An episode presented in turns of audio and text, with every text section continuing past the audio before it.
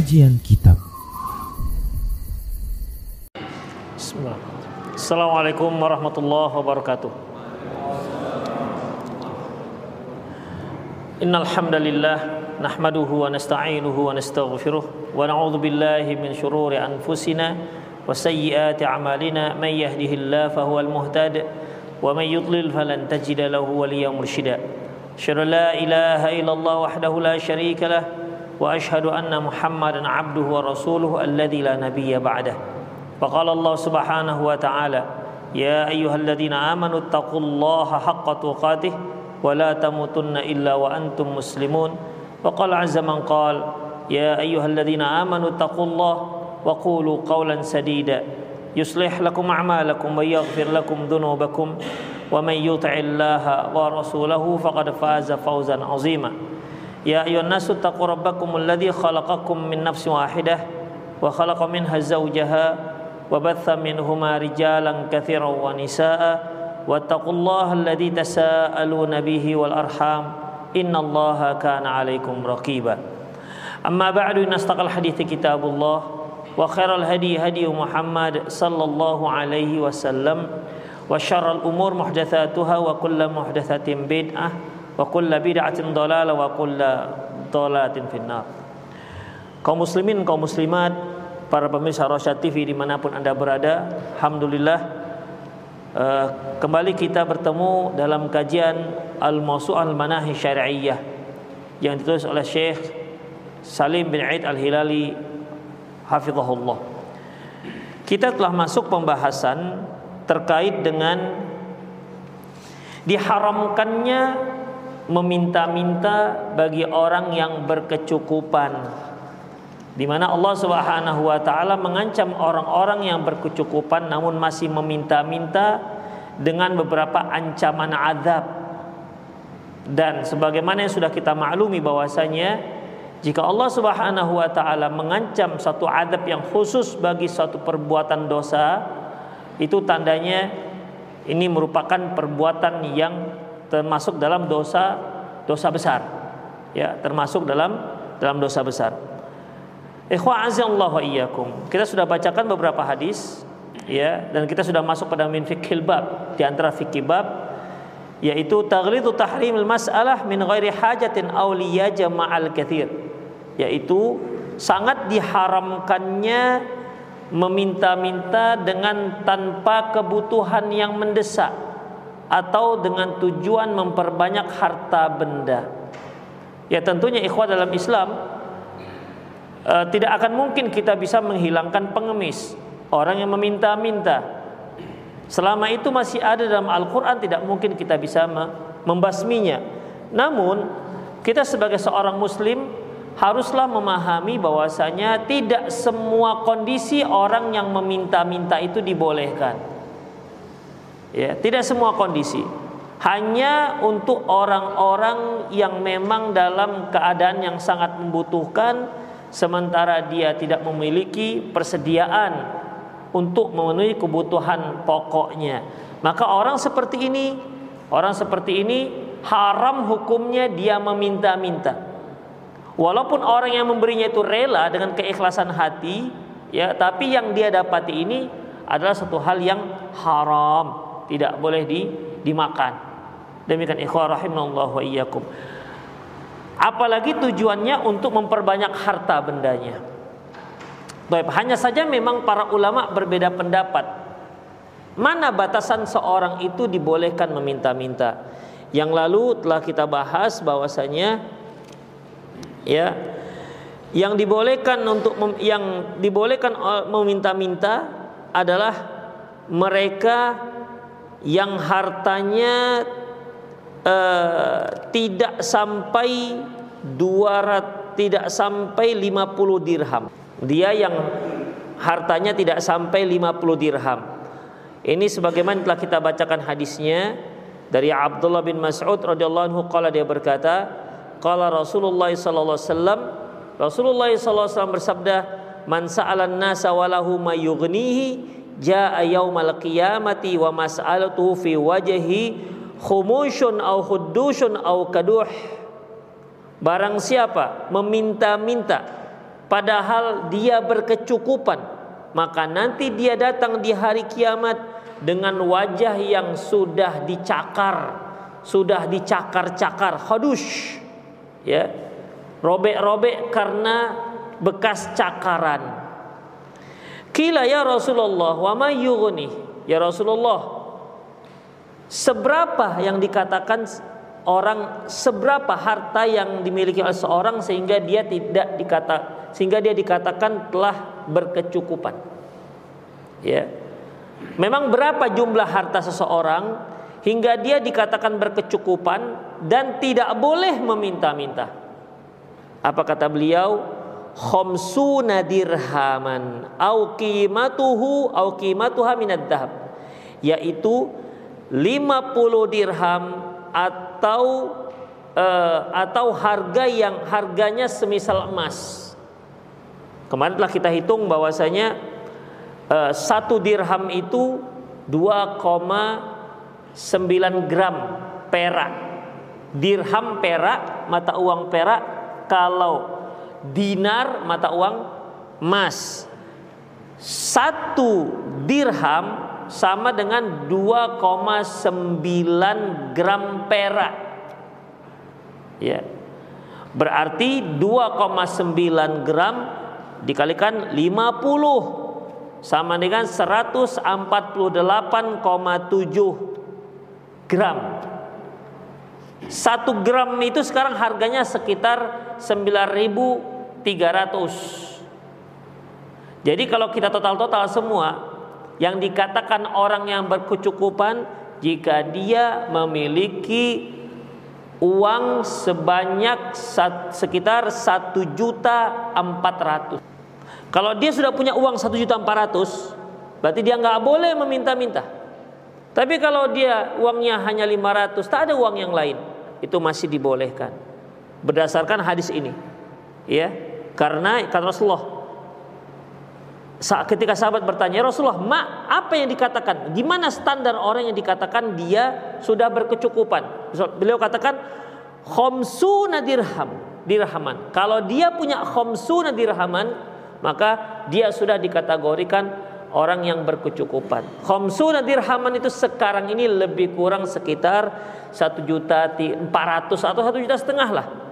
Berarti apabila seorang punya uang satu juta setengah dia tidak boleh mengemis.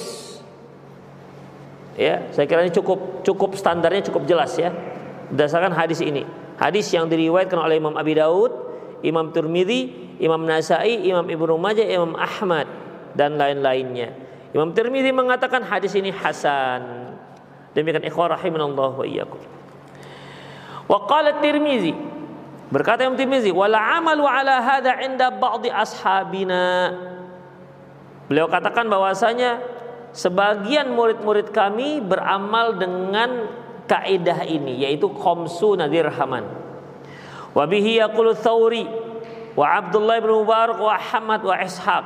Ini juga pendapat Imam Al-Tsauri, Abdullah bin Mubarak, Ahmad dan Ishaq. Qalu mereka katakan, "Idza kana 'inda rajuli khamsuna dirhaman lam tahillu sadaqah." Apabila seorang memiliki 50 dirham maka tak halal dia untuk meminta-minta. Ya kalau yang bahasa yang telah kita hitung tadi, barang siapa yang memiliki uang satu juta setengah lebih kurang, maka tak halal dia untuk meminta-minta. Itu ya. Kalau dia minta-minta dan orang memberinya dengan dengan sepenuh hati, maka tetap uang yang diberikan tersebut dalam kategori meminta-minta yang di, diharamkan oleh syariat. Maka ikhwah rahimallahu wa iyyakum jangan membiasakan meminta-minta. Termasuk meminta-minta itu kalau kita selalu titip ini, titip uh, apa namanya ya? Uh, oleh-oleh. Ada kawan kita pergi, jangan lupa ya oleh-olehnya. Kira-kira jangan lupa oleh-olehnya itu minta apa enggak? Minta itu ikhwah. Ya. Tip.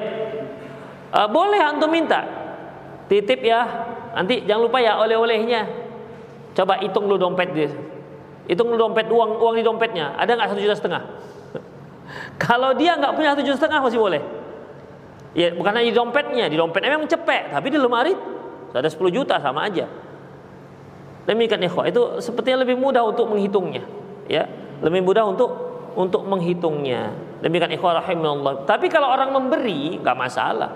Sekaya apa pun dia diberi orang nggak masalah. Ya, asalkan jangan meminta. Ya, asalkan jangan meminta. Terkadang kan kita meminta itu bukan meminta sih, tapi apa ya? Karena pertemanan, eh sekali traktir lah kita. Itu gimana ya? Traktir lah kita sekali-sekali. Mana? Minta nggak kira-kira? Ah, minta termasuk ikhwan. Ya, minta termasuk. Mungkin kalau sekali oke okay lah dia tersenyum, dua kali agak pahit senyumnya, tiga kali mulai dia bosan bertemu dengan kita, asik minta traktir aja. Demikian ikhwah. Jadi dalam masalah ini, ya dalam masalah ini, ikhwah, tidak usahlah pakai minta-minta. Tapi kalau dikasih, diundang, silahkan. Ya, dikasih, diundang, silahkan. Tapi kalau minta diundang, nggak usah. Minta traktir, nggak usah. Titip, apalagi tadi? Oleh-oleh, nggak usah. Itu minta namanya. Ya, itu minta namanya. Gaji pertama, udah gaji pertama kan? Makan-makan lah, misalnya begitu kan? Minta makan-makan. Itu termasuk minta-minta, ya. Boleh, tapi ingat, uang satu juta setengah ada nggak itu dia kalau nggak ada boleh boleh jadi kalau ada lima orang tengok duitnya ada satu juta setengah nggak saya tiga ratus boleh empat ratus boleh ya gitulah jadinya ikhwan ya standarnya begitu. Mau bilang apa lagi? Taib. Waqala ba'duhum. Ada lagi pendapat lain. Waqala ba'du min malikin min malikin uh, Aukiyatun wa mikda uh, min man malaka aukiyatan au mikdaraha arba'una dirhaman. Lam tahillul mas'alah. Sebagian ulama ada yang mengatakan yaitu mereka yang memiliki satu aukiyah satu aukiyah itu mikdarnya perkiraannya sekitar 40 dirham. Oh berarti lebih dikit lagi. 40 dirham. Coba antum hitung. 2,9 kali 40 2,9 kali 40 berapa dapatnya? 116 116 kali 9.300 9.400 lah. 1 juta 90 ribu. Boy lebih sedikit lagi kalau dia punya 1 juta 100 lah kita katakan. Kalau dia punya 1 juta 100 nggak boleh minta-minta. Ya nggak boleh meminta-minta. Istadallu bihadisi rajulin min bani asad. Pendapat ini berdasarkan hadis dari Bani Asad. Kala dia berkata Nazalat ana wa ahli bibaki bibaki al-gharqat. Bahwasanya uh, nazal tu ana wa ahli aku dan keluargaku pergi ke Baki Gharqat Baki itu tempat pemakaman penduduk kota Madinah yang berada di sebelah kiri Masjid Nabawi. Ya disebut dengan al-Baki Gharqat Faqala li ahli berkata keluargaku kepadaku, "Idhab ila Rasulillah fas'alhu lana syai'an na'kul." Cobalah pergi engkau kepada Rasulullah dan mohonlah kepada beliau minta semoga kita bisa mendapatkan apa yang bisa kita makan. Faja'alu ya, yadhkuruna min hajatihim. Maka mereka pun menyebut-nyebut tentang kebutuhan-kebutuhan mereka. Fadhahabtu ila Rasulillah sallallahu alaihi wasallam. Lantas aku pun pergi menghadap Nabi SAW fawajadtu indahu rajulan yas'alu. Dan ketika aku mau mendekat Rasulullah ternyata ada seorang laki-laki yang juga sedang minta. Minta ke Rasulullah SAW. Jadi dia ini seolah diutuskan, diutus keluarganya, cobalah uh, cobalah kamu pergi ke Rasulullah mana tahu ada yang bisa kita makan untuk hari ini Oke lah, karena sepertinya butuh. Lantas dia pun pergi bertemu, menemui Rasulullah.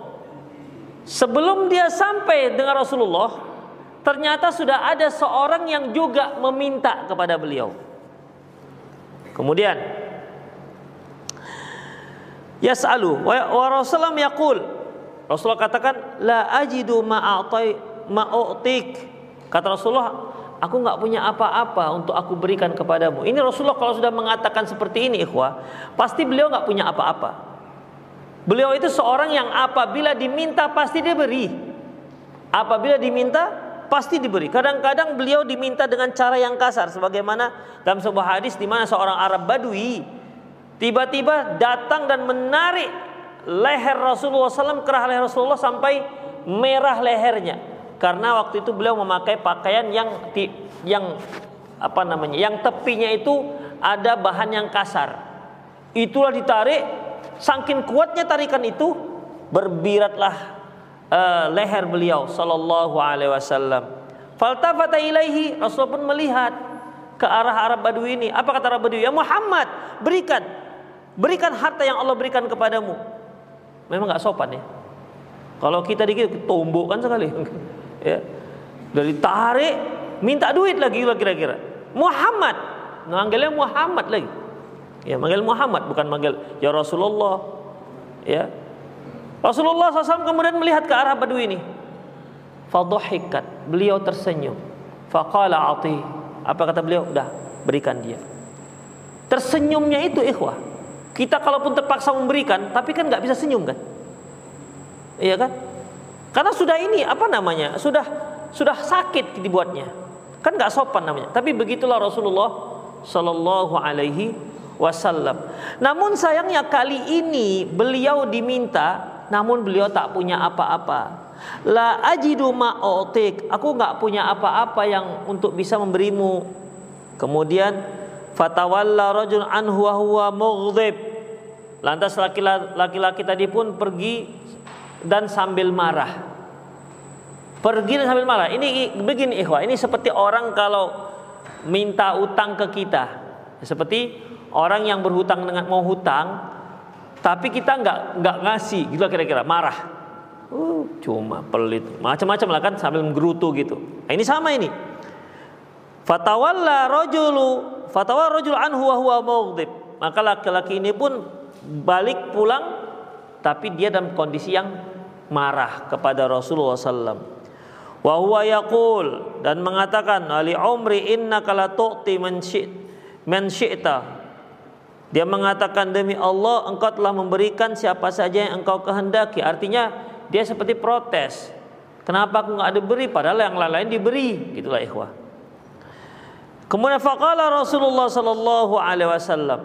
Lantas Rasulullah berkata, innahu la yaghdabu alayya alla ajidu ma'utihi sesungguhnya ada yang nak dia nak dia marah kepada kita dia marah kepadaku padahal aku tidak mempunya tidak mendapatkan apa yang bisa aku berikan kepadanya. Man sa'ala minkum malahu uqiyah wa au adluha faqad sa'ala ilhafa. Barang siapa yang meminta-minta padahal dia memiliki uang satu aukiyah atau yang semisalnya. Satu aukiyah tadi satu juta berapa tadi? Sekitar 790 ribu. Fakat sa'ala ilhafa berarti dia telah meminta dengan paksa. Hukumnya sama seperti orang meminta dengan paksa. Demikian ikhwah bukan kerelaan hati. Walaupun orang tersebut kan kalau ada orang yang meminta dan orang yang memberi itu terpaksa, ini kan nggak dibolehkan. Apabila seorang punya uang satu juta satu juta sembilan puluh ribu tadi itu, kemudian namun dia meminta juga yang lain, ya meminta meminta minta kepada yang lain, maka hukum dia sama seperti meminta orang dengan cara pemaksaan. Hukumnya sama.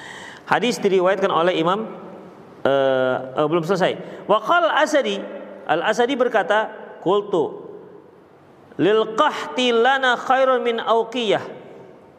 Sungguh unta kami lebih baik unta unta milik kami lebih baik daripada auqiyah. Wa qala Malik al auqiyah arba'un dirhaman. Malik berkata auqiyah itu banyaknya 40 dirham. Qala faraja'tu walam as'aluhu. Lantas yang tadi mau datang meminta tadi, tapi ketika dia datang ada orang duluan yang meminta Rasul tapi nggak dapat karena Rasul nggak punya apa-apa. Akhirnya yang tadi mendengar nggak jadi minta. Kenapa? Karena sudah ada orang yang pertama datang tapi nggak dapat apa-apa. Akhirnya aku pun kembali kata perawi hadis ini. Faraja'atu alam as'alhu. Aku pun pulang dan aku tidak meminta kepada beliau. Faquddima ala Rasulullah ba'da dzalika bisairin wa dzabib. Lantas di kemudian hari pada berikutnya Rasulullah sallallahu alaihi wasallam dikirimin berupa gandum dan da, ge, tepung gandum dan kismis. Tepung gandum dan kismis.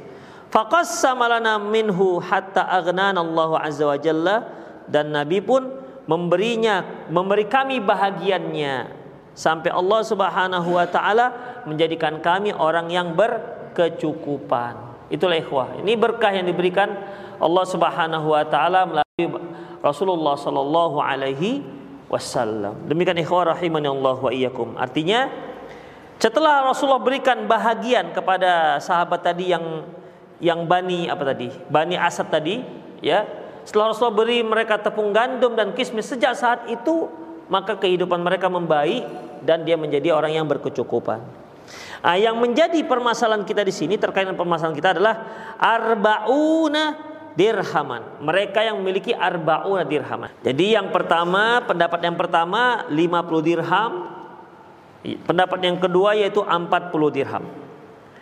Wa dhahaba ba'dhum anna man wajada ma yughdiya ma yughdiyahu au au yu'ashiyahu fala tahillahu al-mas'alah. Pendapat ketiga mengatakan barang siapa yang punya makan siang dan makan malamnya hari itu maka haram dia untuk minta-minta. Jadi di pagi hari ini dan mau minta-minta apa enggak ini? Kira-kira ada nggak persediaan makanan pokok dia untuk siang dan malam? Kalau masih punya, nggak halal dia minta-minta. Demikian ikhwah. Wastadallu bihadisi Sahl bin Hanzaliyah dan mereka pendapat yang ketiga ini berdalilkan dengan hadis Al Sahal bin Hanzaliyah qala dia berkata qala Rasulullah sallallahu alaihi wasallam Rasulullah sallallahu alaihi wasallam bersabda man sa'ala wa indahu mayughnihi fa innama yastakthiru minan nar. Barang siapa yang meminta-minta sementara dia memiliki apa yang bisa mencukupinya berarti dia sedang memperbanyak api neraka. Memperbanyak api neraka. Jadi dia sudah punya yang cukup cukup untuk kebutuhan dia tapi masih meminta Berarti yang dia minta ini adalah untuk memperbanyak api neraka di rumahnya. Faqala ya Rasulullah. Lantas salah seorang sahabat bertanya, "Ya Rasulullah, wa ma yughni?" Apa yang dikatakan mereka mencukupinya? Standar cukupnya dia itu apa? Qal qadra ma yughdihi wa yughaddihi wa yu'ashih yaitu sekitar uh, apa namanya apa yang bisa dia jadikan? Dia bisa makan siang dan bisa makan malam. Hadis ini diriwayatkan oleh Imam Abu Daud dan Imam Imam Ahmad. Demikian ikhwah rahimani Allah wa iyyakum. Ya jadi pendapat yang ketiga ini yaitu apabila seorang punya makan persediaan makan siang dan makan malam maka haram bagi dia untuk meminta. Ya haram bagi dia untuk meminta yang keempat, wa dhahaba ahlul ilmi fil jam'i baina hadhihi al-aqwali ila madhahibin mutaaddidatin. Dan ada di antara para ulama yang mengkompromikan tiga yang mengkompromikan pendapat-pendapat ini. Ada di antara para ulama yang mengkompromikan tiga pendapat ini. Yang pertama apa tadi? Punya 50 dirham. Yang kedua punya 40 dirham. Yang ketiga yaitu mereka yang punya persediaan untuk makan siang dan makan malam. Hari itu, ya, hari itu. Maka ikhwah, di antara para ulama ada yang menggabungkan tiga pendapat ini, tiga dalil-dalil ini dan madhab ini pun banyak.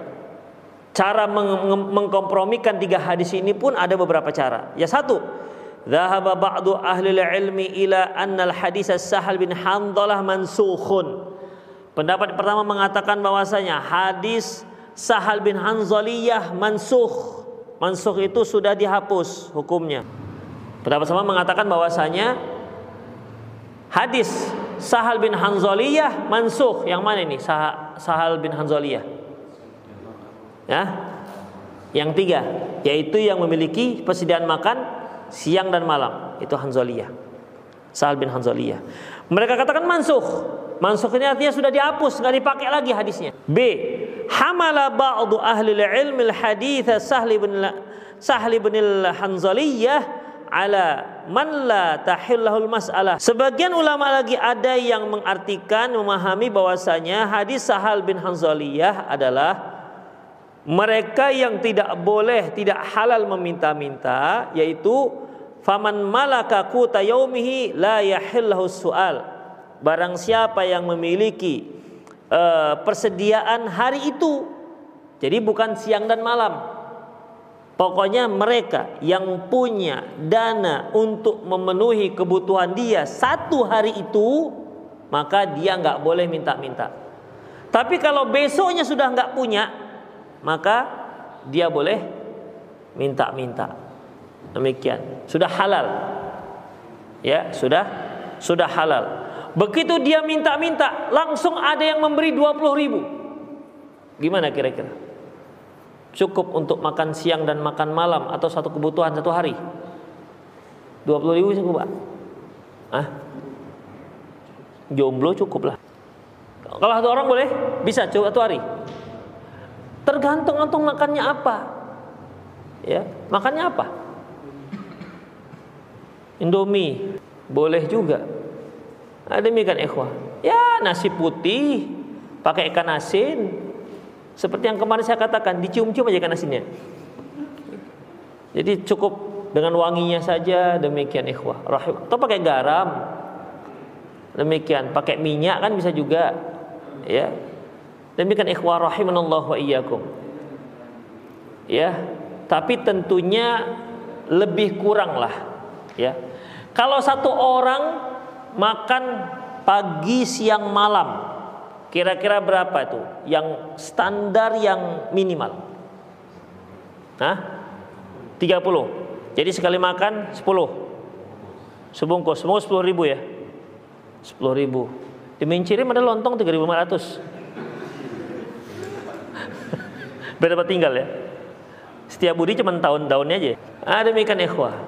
Ya standarnya begitulah ya untuk untuk Medan.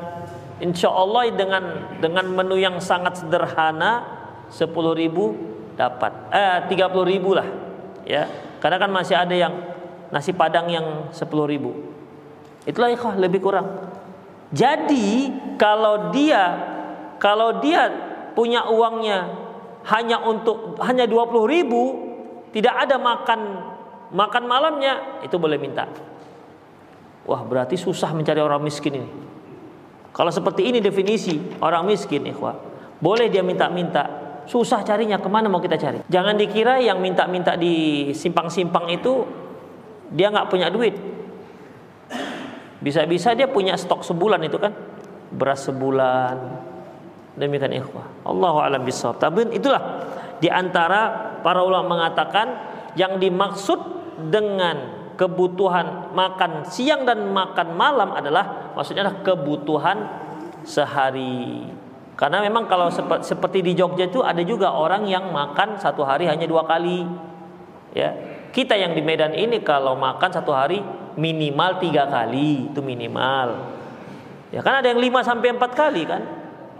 Pagi, siang, sore, malam begitu. Ada yang pagi, siang, sore, malam, tengah malam lagi. Itu ikhwah. Ya bisalah seperti itu. Namun ini kan sudah di luar, sudah berlebihan. Ya, Allahu alam bisawab. Kita lihat lagi. Kemudian ikhwah, azinallahu wa iyyakum, wa ajazu daf'u sadaqah liman lam yamlik nisab wa in kana sahihan muktasiban. Dan mereka juga membolehkan memberikan zakat ya, memberikan sedekah. Kalau yang pertama tadi kan kalau dia tidak memiliki, memiliki apa namanya persediaan yang cukup untuk satu hari itu ah, kalau dia memiliki persediaan yang cukup untuk kebutuhan pokok dia satu hari itu maka dia tidak halal meminta-minta artinya dia haram Tep. yang kedua mereka katakan Orang yang seperti ini ya, mereka yang seperti ini apabila dia tidak memiliki harta yang sampai pada nisab, apa itu sampai pada nisab? Kalau dia zakat, nisabnya berapa? 85 gram emas ya. Kalau kita anggap saja satu gram emas itu sekitar sejuta aja biar enak ngitungnya. Ya, sejuta aja misalnya. Maka ikhwah, kalau dia kalau dia tidak ya, kalau dia tidak punya uang 85 juta ya kan kalau orang yang tidak punya tidak sampai hartanya 85 juta berarti kan nggak sampai nisab. Kalau nggak sampai nisab berarti berarti dia belum wajib untuk untuk zakat. Tapi apabila ternyata hanya dua hanya 80 maka memang orang ini tidak wajib zakat harta tapi dia boleh diberikan zakat. Nah, itu dia. Dia boleh mendapatkan zakat. Jadi di sini ada dua permasalahan yang dibahas. Pertama, kapan seorang itu halal meminta-minta? Yang kedua, yaitu kapan seorang itu boleh diberikan zakat. Itu dia. Lain lagi halnya kalau dia nggak mau menerima, itu lain lagi ceritanya. Misalnya ada yang mengatakan, Pak, ini saya ada zakat harta untuk bapak. Eh, kau kira aku orang miskin? Ya. Masih bisa aku traktir kau tiga hari. Misal begitu. Ya. Jadi ya masalah menolak lain lagi ceritanya. Ya. Lain lagi cerita kalau masalah menolak. Ini masalahnya si anda boleh memberikan zakat harta anda kepada orang tersebut yang hartanya tidak sampai nisab. Wa inka nasahihan muktasiban walaupun dia seorang yang sehat muktasib. Muktasib itu seorang yang kuat untuk bekerja. Ya Kan ada yang dia sehat tapi sudah nggak sanggup kerja karena sudah lemah. Kemudian ada juga yang mengatakan wa hamala ba'dhum haditha Sahl bin al-Hanzaliyah ala man wujida ghada yaumihi wa asyau ala daimil awqat. Nah, ini dia. Pendapat kita mengatakan bahwasanya mereka mengartikan hadis Sahal bin Hanzaliyah apa tadi? Sahal bin Hanzaliyah tadi Makan yang punya makan siang dan makan malam. Mereka menjadikan hadis tersebut Sahal bin Hanzaliyah dengan hadis-hadis yang lain dikompromikan sehingga mereka berkesimpulan mereka yang punya persediaan makan malam dan makan siang setiap hari nah, ada setiap harinya ya mereka yang masih memiliki punya persediaan makanan makan malam dan siang setiap hari maka dia nggak boleh minta-minta. Ya, maka dia tidak boleh minta-minta. Ya, kalau bahasa kita tadi itu kalau satu makan sekali makan sepuluh ribu, ya kali makan sepuluh ribu berarti dua kali makan dua puluh ribu ini standar yang paling rendah lah ya. dua puluh ribu kalikan tiga puluh hari. Berapa? enam ratus. Ya enam ratus. Berarti Kalian yang punya 600 ribu satu bulan gajinya nggak boleh minta-minta. itu dia, nggak boleh minta-minta. Iya 600 ya, 600. Lebih kurang ya, lebih kurang. Jadi ya tentunya standarnya beda-beda. Mungkin kalau antum miskinnya di miskin tapi tinggal di Abu Dhabi kan beda lagi tuh standarnya. Ya kan? Ah miskin, di mana tinggalnya? Di Brunei. Lain lagi. Ya, jadi lebih kurang begitulah ikhwah rahimunallah wa iyyakum. Kalau pakai standar yang yang terendah. Tapi kalau standar yang sedang berapa? 20 ribu lah ya. Satu kali makan. Itu udah pakai teh manis dingin lah. Ya? Udah ya? Udah. udah pakai teh manis dingin lah itu.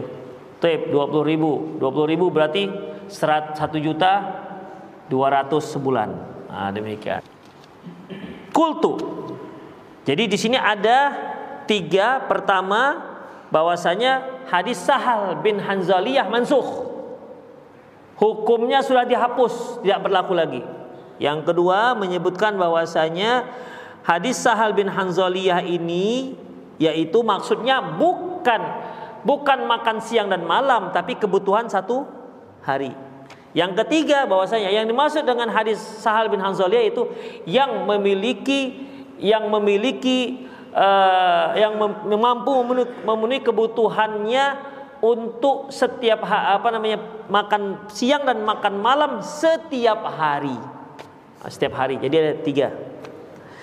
Kultu, aku katakan, maksudnya Syekh Syekh Salim bin Al Hilali mengatakan, iddi'aun nasakh la yasihhu li adami wujudi murajjahin wujudin li adami wujudi muharajjahin li ahadiha alal akhar. Kata Syekh Salim bin Al Hilali, dia katakan menyatakan hadis Sahal bin Hanzaliyah ini ya menyatakan hadis Sahal bin Hanzaliyah ini tidak bisa diterima. Karena apa? Karena kalau ada yang dikatakan mansuh, berarti ada nasih. Ya. Ikhwa, untuk menyatakan hadis nasah mansuh itu harus ada mana yang belakangan, mana yang yang belakangan satu lagi. Duluan, duluan. Mana yang depan? Gimana cara bilangnya? Misalnya nih, ha, Agustus dengan September. Mana yang belakangan? Yang belakangan mana nih? Agustus. Septembernya? Apa namanya? Yang akan datang. Ini September. Duluan. Belakangan yang duluan beda. Cuman ya kalian? Cuman ini misalnya, oke okay lah, sebelum Agustus apa? Juli. Juli, Agustus. Kalau Juli apa namanya dibandingkan Agustus? Awal. Agustus akhir. Oke, okay. ya lebih enak itu. Belakangan duluan, belakangan duluan agak susah bedakannya antara belakangan duluan. Taib. Jadi ikhwah uh, mana yang mana yang awal, mana yang akhir gitu kan. Ketika kita menyatakan satu hadis itu mansuh, berarti harus kita tahu mana yang memansuhkannya, mana yang menghapuskan hukum tersebut. Udah? Itu yang pertama. Yang kedua, yang kedua harus tahu mana yang depan dan mana yang belakang. Mana yang pertama, mana yang terakhir. Harus jelas tanggalnya. Kalau tidak jelas, nggak boleh kita katakan nasah dan mansuh. Yang ketiga, harus tidak bisa dikompromikan. Kalau masih bisa dikompromikan, maka tidak boleh nasakh dan mansuh. Inilah yang dikatakan Syekh bahwasanya iddi'aun nasakh fi fi la yasih menyatakan hadis ini mansuh itu tidak benar. Ya, tidak tidak benar. Wal jam'u muyassar. Sementara mengkompromikan dua hadis ini, mengkompromikan beberapa hadis ini itu sangat mudah ya. Bisa dilakukan bukan tidak bisa. Faman wajada ghada'ahu wa 'asha'ahu daimul awqati la tahillahu sadaqah. Yaitu barang siapa yang mendapatkan makan siang dan makan malam yang selalu ada maka tidak boleh dia minta-minta. Dia tidak boleh apa namanya menerima sedekah dia tidak boleh meminta-minta ini kok sedekah dia katakannya Seharusnya kan as-su'al. Dia tidak boleh di situ apa namanya? Di sedekah katanya. Sedekah. Yang diartikan artinya apa? Sedekah katanya. Zakat. Tadi hadis Hanzalah itu bukan masalah zakat, tapi masalah meminta-minta. Tapi Allah alam. Apa beliau salah cetak atau gimana? Adapun uh, barang siapa yang mendapatkan makan siang dan makan malam yang selalu ada makan malam makan siangnya maka dia tidak boleh sedekah atau maksudnya maka dia tidak boleh meminta. Wa man lam yamlik nisaba walahu iyalun. Barang siapa yang tidak punya harta mencapai nisab walahu iyalun. Sementara dia punya keluarga punya anak-anak ya juzu ayyu'tiya minas sadaqati dunal masalah maka dia boleh diberi sedekah, diberi zakat, namun tanpa diminta. Artinya dia tidak boleh meminta. Karena orang yang hartanya sampai nisab, ya, itu sudah melewati sudah melewati standar boleh dan tidaknya orang yang meminta-minta.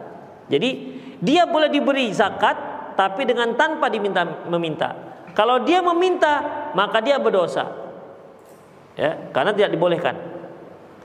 Lianna syar'a amara bi akhli sadaqati minal aghniya wa dafa'u lil fuqara.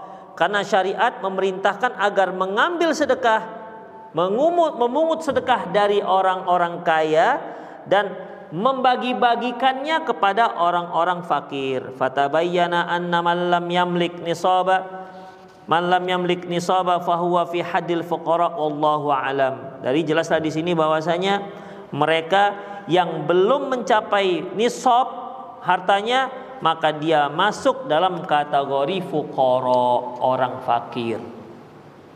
Wah, banyak orang fakir kalau begitu kalau ini. Kalau ini standarnya banyak orang fakir. Kenapa? nisab itu 85 coba kali 900 85 kali 900 ribu 85 kali 900 ribu berapa jadinya 85 Hah? 76 juta 500 itulah nisab seorang harus membayarkan zakatnya setelah satu haul. Berarti di sini beliau sebutkan Penulis mengatakan yang tidak memiliki harta sampai nisab berarti dia termasuk orang fakir. Uh, baru nampak yang nama wajah-wajah fakir nampak. baru nampak wajah-wajah fakir. Udah cocok nih bisa tak? Bisa dapat zakat saya ini. Enggak sampai nisab. Allahu alam kata beliau. Itulah cara beliau penulis Syekh Said bin Hid Al-Hilali dalam mengkompromikan beberapa dalil. Terakhir poin kelima. La tahilul masalah illa li gharimin. Tidak boleh meminta-minta kecuali orang yang sedang terlilit hutang. Au rajulun nazalat bi hajaihah ista'salat malahu. Atau seorang yang uh, yang tiba-tiba memiliki kebutuhan mendesak sehingga menghabiskan hartanya. Bisa nggak ini? Misalnya ikhwah, belanggar mobilnya, hancur semua. Demikian. Atau kebakaran, atau dia tiba-tiba punya kebutuhan, misalnya anaknya sakit misalnya. Anaknya sakit, tidak BPJS misalnya, sementara dibutuhkan uang 100 juta, uangnya pun hanya 90 juta, kurang pun 5 juta. Nah, demikian ikhwan. Nazalat bihi faqah atau seorang yang sangat miskin. Jadi ada tiga di sini. Mereka yang terlilit hutang, mereka yang apa mem, me, yang harus mengeluarkan sebuah kebutuhannya ya hingga habis hartanya. Yang ketiga yaitu mereka yang sangat miskin. Li hadisi Qubaisah bin Makhariq Al-Hilali radhiyallahu anhu qala dia berkata tahammaltu hamalatan Aku ada aku ada menggelontorkan biaya dana untuk mendamaikan dua orang atau mendamaikan beberapa orang. Ya terkadang ikhwah kita untuk mendamaikan dua orang yang bertengkar kan butuh dana juga. Kita kata eh besok makan ya. Ini kita undang, ini kita undang. Begitu. Datanglah mereka eh ketemu. Ya sama-sama makan hati mungkin lagi cerah ya. Akhirnya bisa bisa islah. Kan apalagi kan orang Indonesia segala sesuatu itu harus pakai makan. Iya harus pakai makan nggak makan nggak afdol. Demikian ikhwah rahimanallah antum pun kalau dimarah-marahi istri ya lagi ngambek bawa dia apa aja mau mie Aceh mau sate pokoknya bawa makanan insya Allah ya apalagi kalau cincin masya Allah itu itu lompat-lompat pun dia. Demikian ikhwah ya. Orang Indonesia itu memang suka budaya makan. Dan memang kita lihat rata-rata makan kan. Makan. Banyak kali acara makan itu banyak kali orang Indonesia kalau dia lahir kekah makan itu jelas syariat ya kan ah bahkan sebelum itu apa namanya tujuh bulan tujuh bulan ya tujuh bulan tujuh bulan makan Lahir kekah ini syariat. Nanti apa lagi? Tujuh menapak tanah.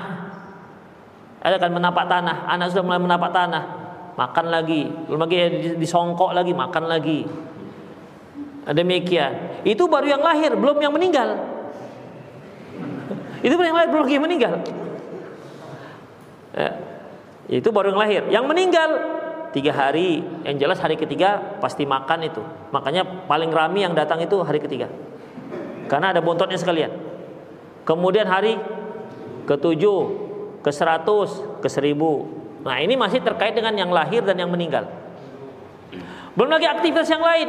Apa misalnya nikah, sunat, ya kan makan lagi. Masuk rumah baru, makan lagi. Gaji pertama, makan lagi. Itu ya. Hah? Apa Pak? Ulang tahun, makan lagi. Ulang tahun itu kalau satu orang, kalau sepuluh orang di rumah itu, sepuluh orang anaknya semua minta ulang tahun, ya bangkrut pokoknya untuk itu aja. Gak ada lagi untuk usaha. Begitulah ikhwah. Jadi kata Qubaysah bahwasanya saya telah mengeluarkan dana ya. Saya telah mengeluarkan dana untuk mendamaikan dua orang yang sedang bertengkar.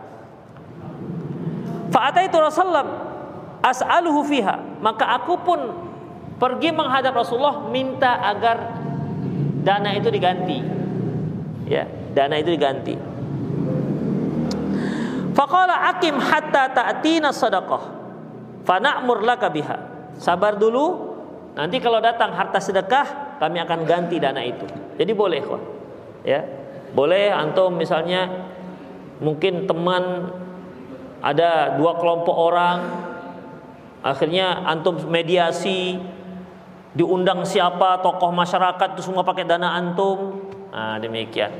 Akhirnya setelah ditotal semua dana, damailah mereka. Dana yang telah antum keluarkan sekitar 15 juta misalnya. Ah, boleh antum minta ke Pak Jokowi. Pak, ini ya kalau mau. Ya kan pemerintah. Rasulullah kan begitu. Ya, ini saya telah mendamaikan dua kelompok masyarakat alhamdulillah sudah damai dan dana yang saya telah gelontorkan 15 juta. Udah minta Pak, Pak, Pak Jokowi. Demikian. Kalau dikasih alhamdulillah, kalau nggak dikasih ya ya anggaplah itu sebagai sedekah. Tapi intinya boleh antum minta. Ya, meminta untuk ini boleh. Kemudian summa qala ya. Lantas dia berkata, beliau berkata, "Ya Innal mas'alata la tahillu illa li haj li ahadi salasatin. Yaqubai sesungguhnya meminta-minta itu tidak halal kecuali di salah satu dari tiga hal. Yang pertama, rajulun tahammala hamlatan fahallat lahul mas'alah hatta yusibaha summa yamsik. Seorang yang memang mengeluarkan dana untuk mendamaikan mendamaikan dua orang atau mendamaikan apalah namanya melakukan perdamaian ya hingga dia dia boleh meminta untuk mendapatkan dana tersebut kembali. Sumayumsi kalau sudah dapat berhenti, jangan lanjutkan. Ya. Dia telah mengeluarkan dana misalnya untuk makan-makan akhirnya 300 ribu misalnya. Maka dia boleh dia mencari muhsinin, kita perlu dana ini untuk untuk mengislah misalnya. Boleh. Tapi ingat, hanya sampai situ. Tidak boleh lebih daripada itu. Kemudian rajulun asabatu jaihah ihtajat malahu fahallat lahul masalah hatta yusiba usiba qawaman min aishi. Yaitu seorang yang tertimpa bencana. Uh, jaihah ini ikhwah bencana. Seperti gagal panen. Ya gagal panen.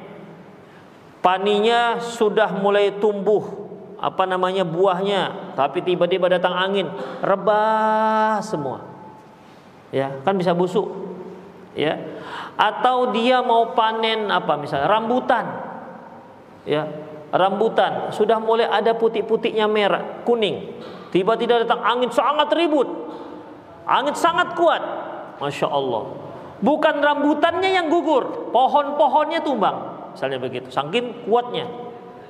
Demikian. Apalagi bisa contohnya panen panen gagal. Apa? Cabai merah kenapa gagalnya? Curi orang. Hujan. Oh. Gagal panen udang. Ini biasanya apa yang membuat gagalnya? Orang rambut hitam. Iya, yang berambut hitam itu buat gagal. Ditanggoknya tiap hari. Ada demikian. Dan banyak hal-hal yang bisa membuat gagal. Ya. Ketika gagal ikhwah rahimallah wa iyyakum hingga habis hartanya, maka dia boleh meminta. Ya, maka dia boleh meminta. Kemudian selanjutnya Nah, fahallat lahul mas'alah hatta yusiba qawaman min aishan. Maka dia boleh meminta hingga dia mendapatkan dana yang bisa memenuhi kehidupannya. Kemudian yang ketiga, rajulun asabatu faqah yaitu seorang yang tertimpa kefakiran. Sangat fakir. Hatta yaku masalah sata min zawi ha jiha yaitu hingga kemiskinnya dia ini disaksikan oleh tiga orang yang berakal. Min qaumihi dari kaumnya laqad asabat fulan faqah. Sungguh si fulan itu fakir jadi bukan merasa fakir-fakir sendiri enggak? Ya. Bukan merasa fakir sendiri tapi dia fakir dan dia ada yang menyaksikan bahwasanya dia fakir. Demikian. Dia fakir dan ada orang yang menyaksikan dia fakir. Kalau kita apa ya surat miskin lah kali ya. Ya kan? Surat miskin dari dari kelurahan. Kepling. Tapi banyak juga yang dapat itu tapi Hah? iya. Tapi itulah ikhwah. Jadi ada saksi ya. Ada ada saksi. Betul dia miskin. Tiga orang cukup. Tiga orang cukup. Kalau sudah dapat tiga saksi maka dia bisa meminta-minta. Baik. Kemudian fahallat lahul masalah hatta yusiba qawaman min aish. Dia boleh meminta hingga bisa memenuhi hingga dia mendapatkan apa yang memenuhi kebutuhannya. Fama siwahunna minal mas'ati yaqubaisah suhtan ya'kuluha sahibuha suhtan. Selebih selebihnya itu wahai Kubaisah suhtan ya'kuluha. Dia sedang memakan makanan yang haram. Demikian. Sudah ada yang cukup untuk dia dapati, tapi dia masih terus meminta. Suhkon, berarti dia sedang meminta yang haram. Demikian ikhwah. Jadi insya Allah ya, mungkin kita apa namanya tidak begitu perhatian yang masalah ini suka.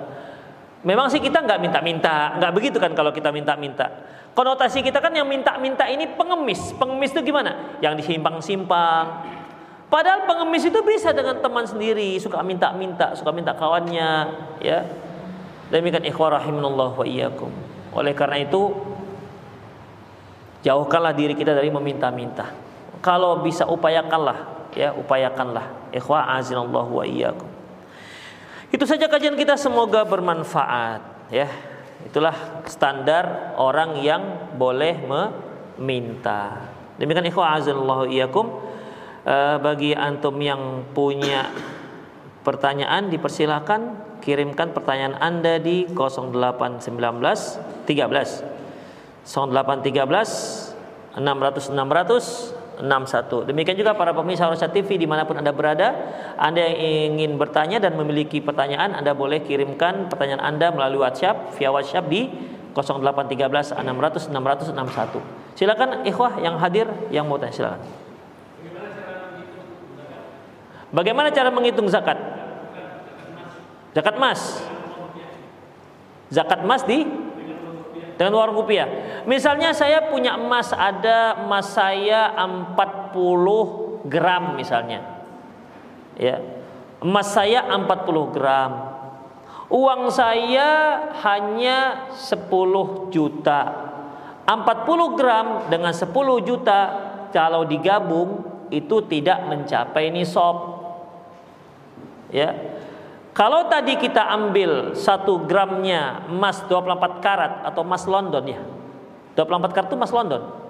Antum nggak ada yang mak-mak sih.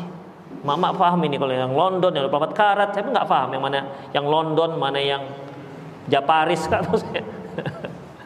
Demikian ikhwah. Jadi yang emasnya 24 karat yang emasnya 24 karat kalau dihitung 400 uh, 900 ribu per gramnya berarti nisabnya kan 85 gram sama dengan tadi 70 berapa tadi? 70 berapa juta? Kalau eh, nisab emas kalau dikonversi ke uang satu satu gramnya 900 ribu 76 juta kalau dia punya uang 76 juta misalnya nih misalnya ikhwah antum punya emas 60 gram. Berarti kan tinggal berapa? Tinggal tinggal 25 gram lagi ya. Antum punya emas 60 gram, berarti tinggal 25 gram lagi. Sampai nisab. Ya. Tep. 60 gram ditambah ditambah uh, eh, 15 juta. Nggak sampai. Berarti nggak nisab dah. Jadi ketika dia sudah sampai nisab uang antum dikonversikan ke emas.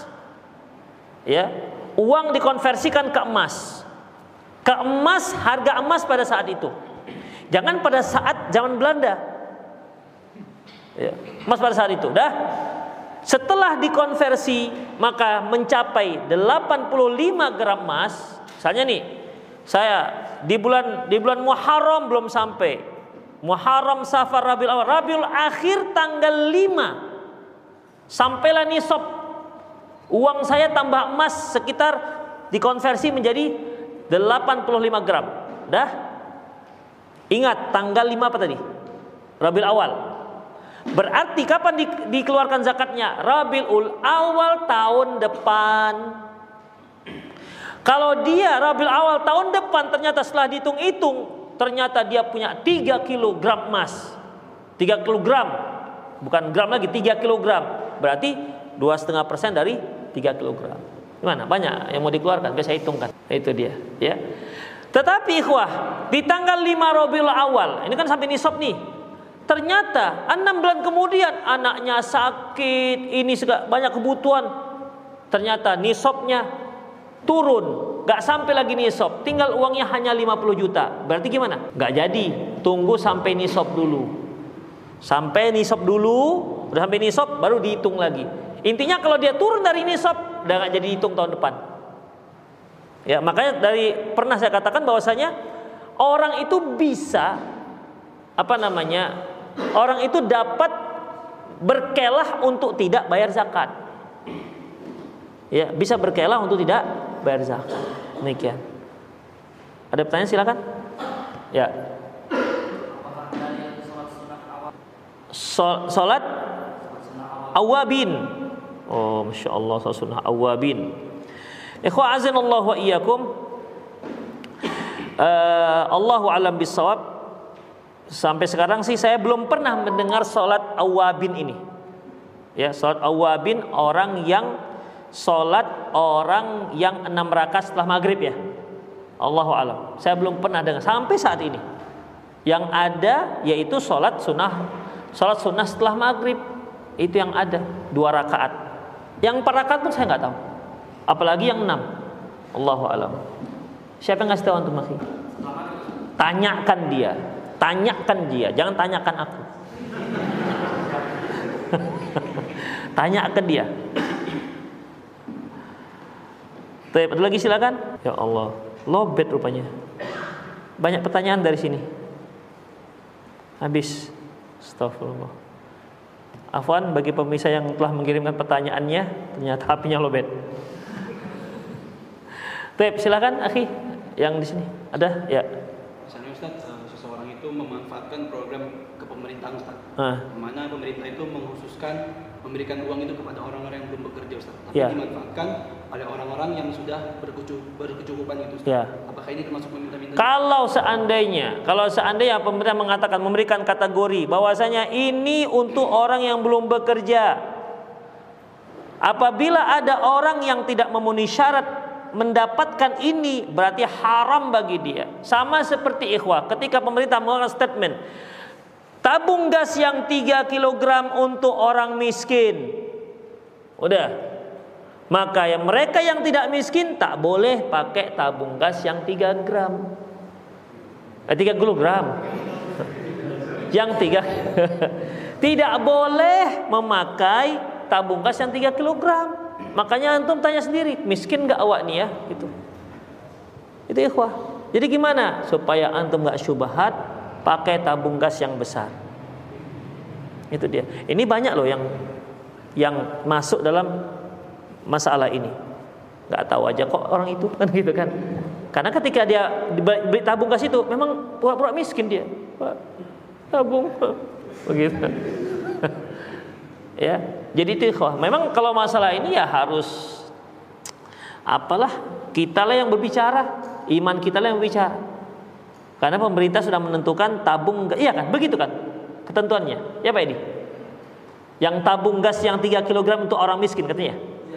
Ah, itu kan ditegaskan tuh. Ada lagi menegaskan lagi?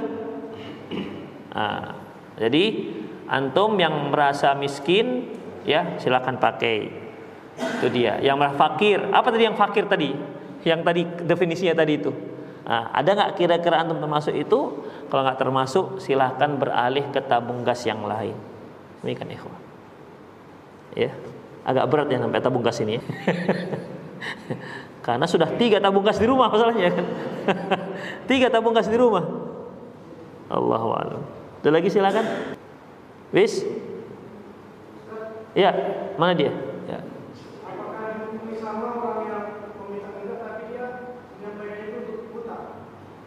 meminta-minta menyampaikan itu utang maksudnya dia minta tapi dia minta tapi maksudnya hutang ya. dia minta tapi hutang. Ikhwah orang yang meminta itu beda dengan hutang. Kalau meminta ini kan berpindah hak milik. Dari punya dia dari punya orang ke punya dia. Berpindah hak milik. Tapi kalau yang hutang ya hutang itu tidak sama dengan yang meminta-minta. Ya tidak sama. Berhutang ikhwah ya berhutang itu hukumnya boleh tetapi Islam tidak menganjurkan yaitu royal dalam berhutang karena kalau kita berhutang ikhwah berhutang itu setan akan mengganggu kita untuk memperlambat pembayaran Makanya kalau kita lihat orang yang berhutang itu masya Allah, lisannya itu lebih manis daripada madu rimba tualang. Tapi ketika kita menagihnya, masya Allah, lisannya lebih pahit bandingkan empedu. Lah dia, dia yang marah-marah. Makanya ikhwah, Rasulullah SAW pernah nggak utang? Rasulullah berhutang. Berhutang. Bahkan beliau menggadikan. Menggadikan baju perangnya untuk mendapatkan makanan pokok gandum untuk kebutuhan keluarganya. Bayangkan beliau pemimpin tapi ketika memenuhi kebutuhan keluarganya beliau harus berhutang menggadaikan. Ya menggadaikan. Artinya wah menggadaikan ini kan kalau seandainya nggak sanggup dia bayar maka maka uh, bara apa namanya baju baju perang inilah sebagai pembayarannya. Nggak harus angus. Nggak harus angus. Ya kalau nggak harus angus. Misalnya saya punya HP nih. HP saya harganya 8 juta. Hutang saya 3 juta. Ini HP saya sebagai jaminan. Udah kalau kita kan kalau dua bulan. Kalau kita dua bulan nggak bayar. HP yang 8 juta hangus. Nggak boleh itu riba. Jadi bagaimana? Yang jaminan ini dijual. Ambil yang 3 juta sisanya pulangkan kepada yang yang punya HP begitu caranya ikhwah. Jadi bukan hangus. Walaupun cara kita penggadian seperti itu kan ya. Wah, apa namanya barang jaminan dianggap hangus apabila waktu pembayaran sudah sudah sampai sudah jatuh. Pan nggak hangus. Itu ikhwah. Jadi beda hutang dengan dengan meminta. Hutang itu ikhwah masih lebih lumayan dibandingkan meminta-minta. Namun begitu pun walaupun Islam membolehkan tapi tidak menganjurkan untuk banyak berhutang. Apalagi sekarang ini prinsip orang itu ada yang hidup prinsip hidup. Kalau bisa hutang mengapa kontan? Kan begitu kan? Karena apa? Hutang sudah dirubah namanya bukan jadi hutang tapi kredit. Oh, kalau dulu orang tuh malu punya hutang. Ih, itu keretanya hutang itu. Malu. Tapi kalau keretanya kredit biasa rumahnya kredit mobilnya masya Allah 1 m tapi kredit demikian ikhwah rumahnya kredit itu tidak menjadi aib. Gara-gara dirubah hutang menjadi kredit. Orang yang membayar nyicil hutang nggak itu? Hutang namanya. Demikian ikhwah ya. Jadi jangan sering berhutang ya.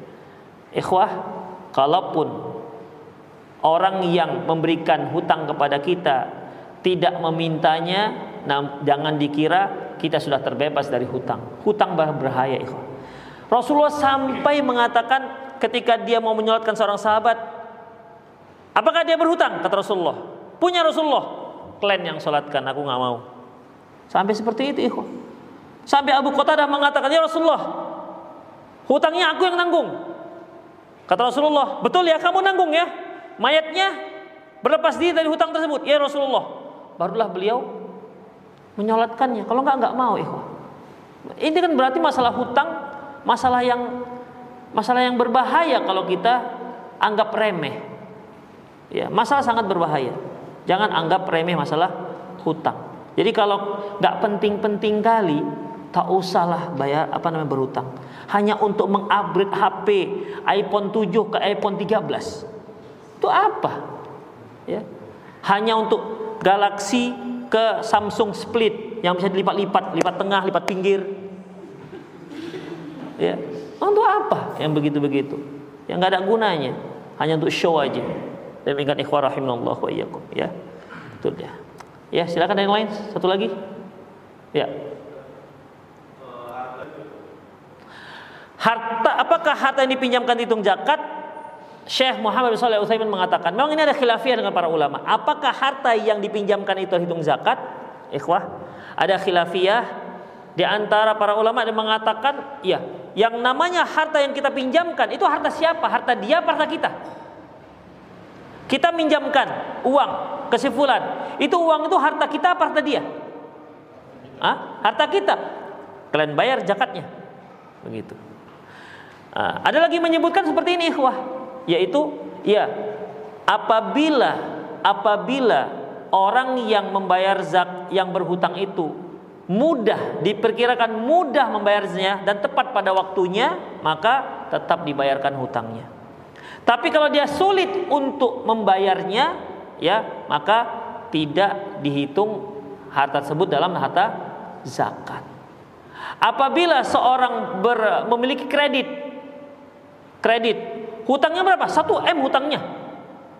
Kalau seandainya dibayarkan ke 1 M, habis hutang uangnya semua. Tapi kan 1 M itu kredit. Satu bulan dia harus bayar misalnya 500 juta.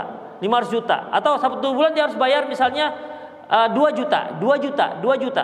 Tep, berarti apa ikhwah? Ketika sampai nisab, udah, maka kewajiban dia untuk membayar bulan itu berapa? Dari kreditnya harus dia lunasi. 2 juta kan? Berarti ya 2 jutanya aja. Jangan dilihat satu miliarnya. Nah, demikian. Itu yang dimaksud ya. Kalau dilihat satu miliarnya gak akan bayar zakat dia. Kenapa? Uang utangnya apa namanya uangnya hanya 300 ribu hutangnya satu miliar. Makanya ketika sampai nisab sampai pembayaran hutang yang dihitung adalah kewajiban yang harus dia bayar pada bulan itu bukan kewajiban yang harus dia bayar bulan-bulan yang akan datang. Paham ya? Demikian. Allahu a'lam bishawab. Ikhwah azanallahu itu saja kajian kita. Semoga apa yang kita bahas bermanfaat. Aku qauli hadza wa astaghfirullah li wa lakum wa lisal muslimin innahu wal ghafur rahim. Subhanakallah wa bihamdik asyhadu an la ilaha illa anta astaghfiruka wa atubu ilaik wa akhiru da'wana alhamdulillahirabbil alamin. Assalamualaikum warahmatullahi wabarakatuh.